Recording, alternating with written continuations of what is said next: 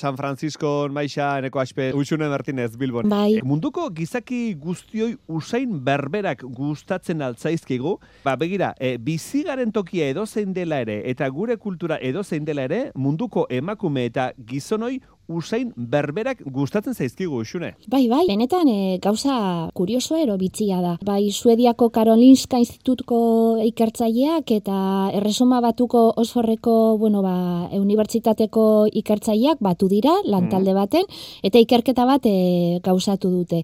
Eta beraien helburua izan da, ezagutzea ia mundu osoko pertsonek, bueno, ba, usainari buruzko pertsepzioa bera dugun, ez? E, ia usain mota berbera gustatzen zaizkigun edo bueno, ero hau gustuak ero, ez? Batzuk e, gustu batzuk ditugun eta beste batzuk beste batzuk dituzten Bai. eta ia gustu horiek e, kulturari esker ikasiak diren ero jasoak ditugun, ez? Eta egin duten ikerketaren arabera, emaitzek erakusten dute ezetz. Ezetz. Bueno, ba, saletasunak orokorrak direla, hau da, guztiok antzematen dugu orokorrean usain bat txarra dela, Eh? ero atza dela, ero kiratza dela, eta beste alde, ba, usain gozoak ere gutxi gora bera guztiontzako berdintsuak dira. Eta berdin da nongoa garen eta ze kultura Bai, jaso dugun, bai, ezta? bai, bai. Bueno, da zer, zer egin dute, bueno, ba, kontua azterketa egiteko, mendebaldekoak ez diren bederatzi kulturako pertsonak hartu zituzten, ez? Ba, bo, e, bolondresak ero hartu zituzten. Hasi Malasiati, Filipina, Ekuadorrera, ba, bueno, hainbat herrialdeko e, hainbat e, talde e, hartu zituzten. Talde horietako pertsonek bizimodu ezberdinak e, dituzte, hau da, esaterako lau taldek euren bizitza zan eistariak, ero eistari biltzaileak ez ziren, eta gainontzeko beste bost talde, ba, nekazaritzara e, dedikatzen ziren, ero arrantzara dedikatzen, e, arrantzatzen e, diarduen talde bat, e, taldeak ziren, ez? Eta, bueno, horrez gain, talde horietako askok oso kontaktu gutxi izan dute mendebaldeko baita elikagaiekin, Mhm. etxetresnekin eta e, mendebaldean ohikoak ditugun egiroekin. Bai. Bueno, ba, alde batetik, beratzi kulturako hainbat ordezkari hartu zituzten, eta bestalde, Mm. beste bizilagun batzuk hartu zituzten ere e, esperimentuak egiteko. Mexiko hirian bizi ziren hainbat pertsona, eta baita New Yorkeko New hori da, Bai. lagunak ere, ez, hartu Konforme. zituzten. Guztira, amar komunitateko ordezkariak hartu zituzten partaide gisa Aha. pertsona guzti hauek, ero talde guzti hauek, hautatutako guztiko komunitate hauek, ingurune usaintzu oso diferenteetan bizi dira, ero murgiltzen dira egunerokotasunean.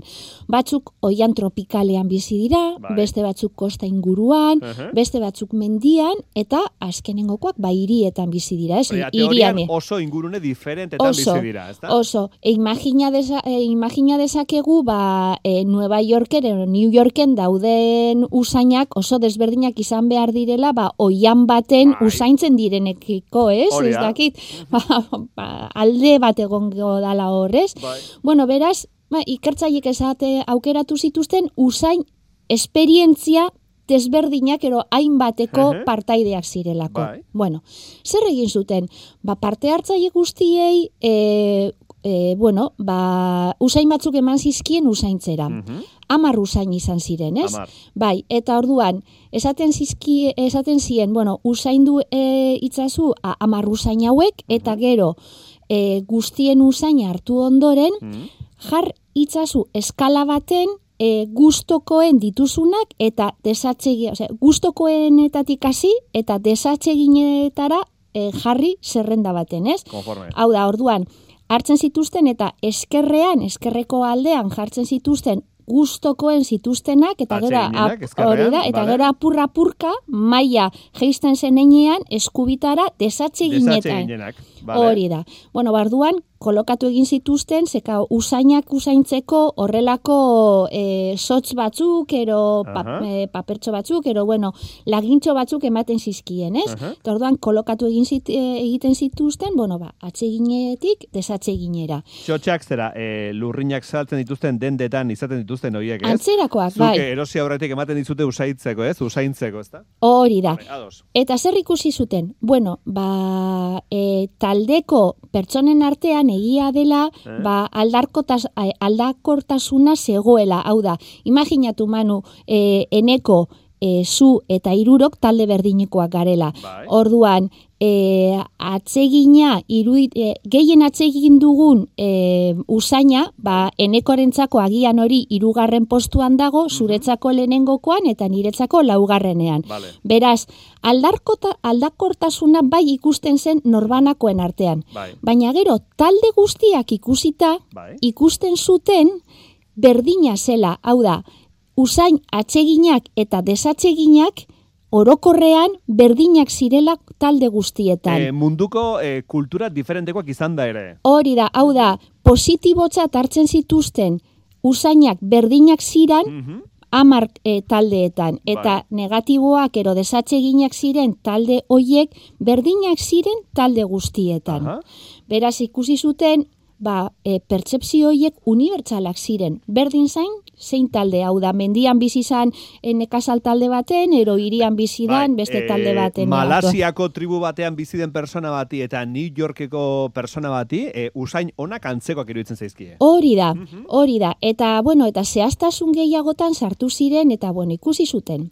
Batez beste, denei, talde guztiei, gustatzen zitzaiela, batez ere, e, metosibentzaldeido molekula deitzen dena, hau Bai. da, ba, bainila, bainilaren usaina, Ah, bainila leken konposatu Bai. nagusia dela, bueno, ba, hori izan zen, azterla, e, azterketa honetako erikertzaiek ikusi zuten gogokoena zutela. Usain zoragarria dauka Bai. banillak, eh, bainillak, eh? Hori da, Eta hori orduan, munduan, e, mundu guztiare gustatzen zaio. bai, Edo tokitakoa zarela ere. bai, ora, guztiei gustatzen zitzaien. Beste usain bat esaterako, ba, etil butira, butiratoa.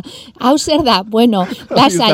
Hau da, mangoa, fruta, mangoa eta nanak duen usain bereizgarria, bai, bai, ba, bai, bai. horri ematen dion, eh, horri ematen dio usaina, eta usain hori ere oso gogoko zuten. Aha. E, guztiek zuten oso preziatu ere landare usaintzuetan askotan dagoen e, linalola deitzen dala. Eta hau batez ere e, landaretan egoten da. Eta baita ere fenetilalkola. Fenetilalkola zer da ba? Arrozetan, klabelinetan, laranja lorean eta Mhm. eta pinuetan ere usaintzen dugun aroma ero, Vale. bueno, ba hori da. Ba guztietan horrentz e, atsegin zuten. Hoi denak guztiek. atseginak. Bai, imaginatu, ba, esan duzun Malasiako biztanlek, zein e, Filipinetakoek, zein Mexiko, zein New Zein Yorkekoek. Manhattango persona bat. Hori da. Eta unzain txarrak ere aztertu zituztenean Bai. ikusi zuten ere antzerako unibertsalak zirela Vale. ere guztiek desatsegintzat jotzen zuten Eh? Azido isobalerikoa eta zer da hau? Hori hau zer da? Beraientzat za usain itxarrena. Txarrena. Ba, gure izerdian eh, dagoen usaina.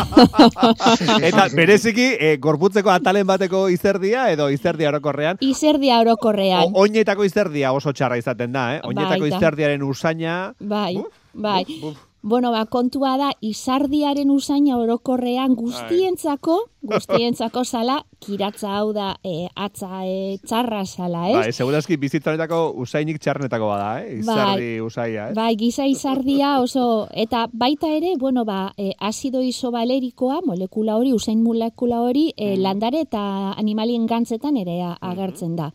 Bueno, e, ezitzaien, ero, ezaigo gustatzen, ero ikusi zuten ere orokorra dala beste usain bat desatzegina e, orokorrean, ez? Eta da dietil disulfurua.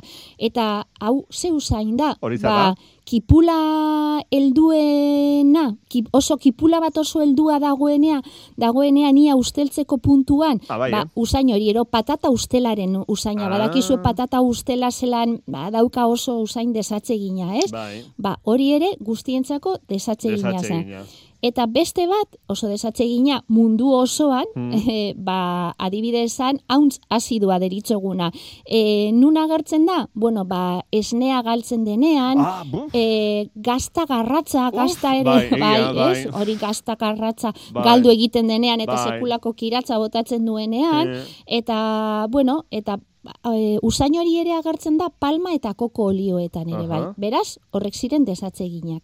Vale. E, bueno, eta orduan ikusi zuten. Ba, usainen pertsepzioa, ez? Ba, egia da, usainak zelan nabaritzen ditugun oso modu konplezuan eh, nabaritzen ditugula, ez? horretan zer ikusia duela esaterako gure sudurreko emukosetan dago dauden neurona batzuk usaina hartu egiten dutena eta baita ere e, pentsatzen da, bueno, ba, urtzarotik hautematen mm. ditugun usain oikoak eta horretan ere datzala, ba, usain bat e, mhm. ona erotxarra izatea guretzako, ez? Bai. Baina ikusi dute, e, ba, gure testu inguru e, kulturala ero, mm. e, hortik e, aparte, e, ba, egia esan horrek ez digula larregi laguntzen usain bat e, katalogatzeko orduan, baizik eta, bueno, ba, e, baditugula e, e, nola baita esan, ezaugarri, badaudela ezaugarri unibertsalak, eta hori normalean usaina usain molekulari dagokiola, hau da. Usain molekulak esaten digula usain bat ona ero txarra den guretzako. Bai, eta oso oso interesgarria. Ba, bai, bai? ari intzen pensatzen, ez da, usain eh, atxeginta desatxeginen zerrenda bai? honekin bat egiten note dudan, eta bai, bai, esan bai, maixa konforme zade, zuri ere usain hori bai, bai, bai. Eh, onak eta txarrak ez? Baina bai, bai, eh, bidaiatzen dudan bakoitzean eta bai. bar, mhm. bai egiten zaidala eh, hainbat leku mhm. oso usain desberdina dutela, esate baterako. Bai, bota. Indiara joan nintzenean, bai. bai. India, India zapaldu bezain laster, e, nabaritu nuen usain desberdin bat, eta mm. izan nuen usain hori e, bi astez, hiru astez, eta, eta gero, bueltatu nintzenean, desberdin usaintzen zen uh Euskal Herria. Bai, bai, egia esan e, Hori egia da, eh? herrialde bakoitzak edo izan dezake bere usaina, baina egia da, gauza batek ez du besteak entzen, ez da, e, usune, nahiz herrialde batean gehiago namarmendu usain bat, gero, jendeari galdetzen bai ze usain maite dituen, ba, e, usain horiek antzekoa dira mundu guztian, ezta? Hori da, bai, bai. esaterako e, kultura guztietan oso desa, bueno, desatzegina da metano e, usaina dute, mm. bueno, metanoa duten usainak, ez? Mhm. Esaterako, ba, puske, pusker batek, ez? Pus, puskerra desatzegina da mundu osoan zehar, ez? Puskerritak zergatik ematen digu farre gurea, ez? Entzun orduko. Ez, dakit, ez, dakit, eta esaterako, bai esaten dute, bueno, oksigenoa duten e, usainek eta, bueno, ba, atsegin maila orokortu bat eta e, ba, irabazten dutela, ero gaineratzen dutela, ez? Bai, bai, oso... Hau, izango da, nire ustez, e, biziraupen bai. mekanismo bat. Bai, ez da. E, bai.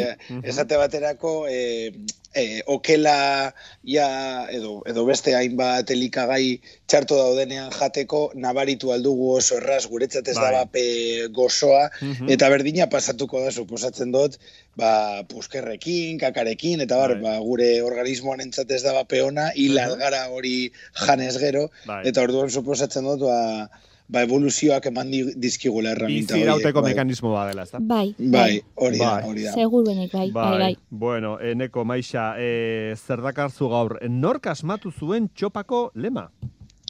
Flipatu dut gai honekin. e, bai, txopako lema, e, e, popa lema, oda, e, erdarazko timon, timon de kodaste edo timon de popa, hau da, barkuetan erabiltzen den lema, mm. tradizionala erdi ardatzean jartzen dena, barkuaren atzeko partean popan, mm. ba, kontua da, e, diseinu, forma, eta dimentsio askotakoak daudela, baina beti erabilpena berdina dela, ez? Itxasontziaren norabidea mm zuzentzeko erabiltzen da lema. Eta fizikaren ikuspuntutik oso interesgarria da gainera, base itxasontzia uretan dagoenean, abiadura jakin batekin, ba, lemak aprobetsatzen ditu fluidoaren hidrodinamikak. Hau da, e, fluidoaren kasunetan uraren e, partikulen inzidentzia dela eta ba, lemarekin uraren eraso angelu aldatu alduzu, eta honela barkuak ba, birak eman dezake, norabide aldatu, eta bar. Ganera, lemaren ingenieritza oso komplexua da, base, erresistentzia altukoa izan behar da lema. E, ba, imaginatu e, itxasoaren erdian zaudela eta lema puskatzen dela, ba, agur benur, base ja itxasontziaren norabidea ezin duzu zuzendu. Eta gero ere bai, ba, marruskadura, lema eta uraren arteko marruskadura ere bai txikia izan behar da, ba, e, lema harinago mugitu alizateko, eta bar. Beraz, ingenieritza aldetik, e, lema oso komplikatua da e, diseinatzeko eta fabrikatzeko. Orduan, nork inventatu zuen? Nork? Beno, txinatarrek, baina baina sorpresa bat daukagu bukaeran, eh? Txinatarrek, eh, kristo ondoren eh, lehenengo mendean, agertu ziren lehenengoak, eh, Han dinastian, eh, ba, ordura arte arraun bat erabiltzen zen, eh, eh, barkuan zegoen marinel batek, ba, uretara eh, sartzen zuen albo batetik edo bestetik eh, arrauna, Bai. norabidea zuzentzeko eta bar. Eta listo. Eta hori da, kristo ondoreneko lehenengo mendeko zeramika txinatar batean, jandin dinastiako txinata, e, zera, zeramika txinatar batean, txalupa baten irudia agertzen da, zeramika Aha, horretan, bai. marrasturik, eta hor agertzen da lehenengo lema. Lenda lema. Eta hortik salto egin zuen e, Arabiara, marinen e, txinatarrak Arabiara heldu ziren, itxasotik, eta mila urte geroago Arabiarrek e, Arabiarrak hasi ziren erabiltzen, lema ere bai. Eta ja lehenengo evidentziak e, amargarren mendekoak dira. E, kontua da, Europan. Eta hemen dator gaurko bitxikeri nagusia. Euskaldunak ibiliko gara gertu hor. Susmatzen dute edo ez. Oso, hau oso bitxia da, hau oso bitxia da, bitu. Popako lemari, Bai. erdaraz, timon, timon de kodaste edo timon de popa esaten, esaten zaio, Bai. baina beste izen bat du ere bai, eta asko erabiltzen dena.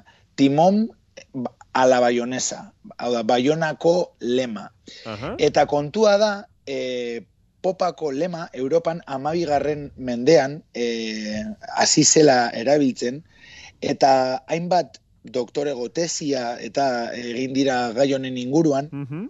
Lehenengo evidentziak topatu dira bi eliza desberdinetan, e, bat e, Zedelgemen eta bestea Winchesterren. Lehenengoa Belgikan eta bigarrena Ingalaterran. Mhm. Amabi, amabigarren mendekoak. Vale. Baina, e, amabigarren mendeko e, margolan batean, askonan dagoena, Lizarra inguruan, Nafarroan, margolan bat dago, ermita barruan, eta hor ere bai agertzen da lema bat, e, e, Baionako lema edo Popako lema hau. Mhm. Eta hor- hori ere bai izan daiteke e, lehenengo evidentzia e, lema batena. Ah. Beno, eta kontua da, e, tekstu zaharrenetan, zahar, zaharretan, e, Pariseko fitxategi nazionalean e, topatu direnak, eta bar, Baionako lema edo Nafarro, Nafarroako lema esaten zaio e, barkuen e, alde honi edo, edo invento honi, eta e, Pariseko fitxategi nazionalean Donosti eta Ondarribiko e, udal batzen sigiluak daude, hainbat dokumentu daude eta sigiluak daude, eta sigilu hauetan itsasontzi bat agertzen da, eta itsasontzi honetan Baionako lema edo Nafarroako lema e, agertzen da ere bai.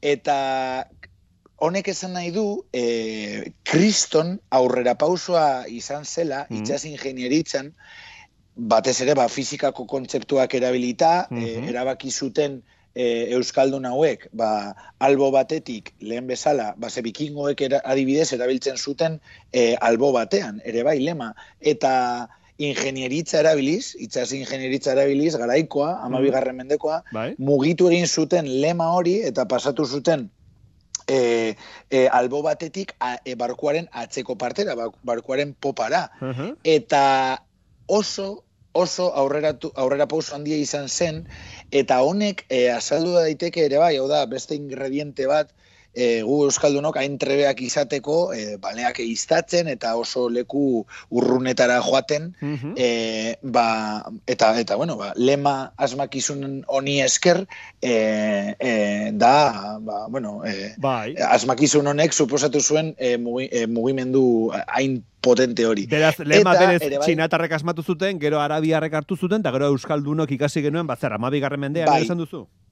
Baina tesi hauetan e, ez dago argi e, ea e, Euskaldunok hartu bagenuen invento hau e, txinatarren edo, edo arabiarren bitartez, Bai. edo ez, baseantza e, berrikuntza hau behar bada independenteki eman zen Europan e, hainbat lekutan, esate Ah. baterako iparrean eta e, egoan e, ba, baionako lemaren bitartez. Mhm. Zergaitik, base, zelan lotzen den e, edo mekanismoa, e, mekanismo hau itxasontzira oso oso desberdina da Mhm. e, txinatarren inventoan, e, gero e, oso antzekoa zan e, arabiarren kasuan, txinatarren eta arabiarren lema oso antzekoa zan, baina e, Baionako eta Nafarroako lema mekanismoa oso desberdina zen. Zelan lotzen zen oso desberdina zen. Beraz ez dago argi e, txinatarren lema bir inventatu bagenuen, Mhm. edo independenteki eta mendeak eta gero, txinatarrek inventatu eta gero, inventatu bagenuen ere bai,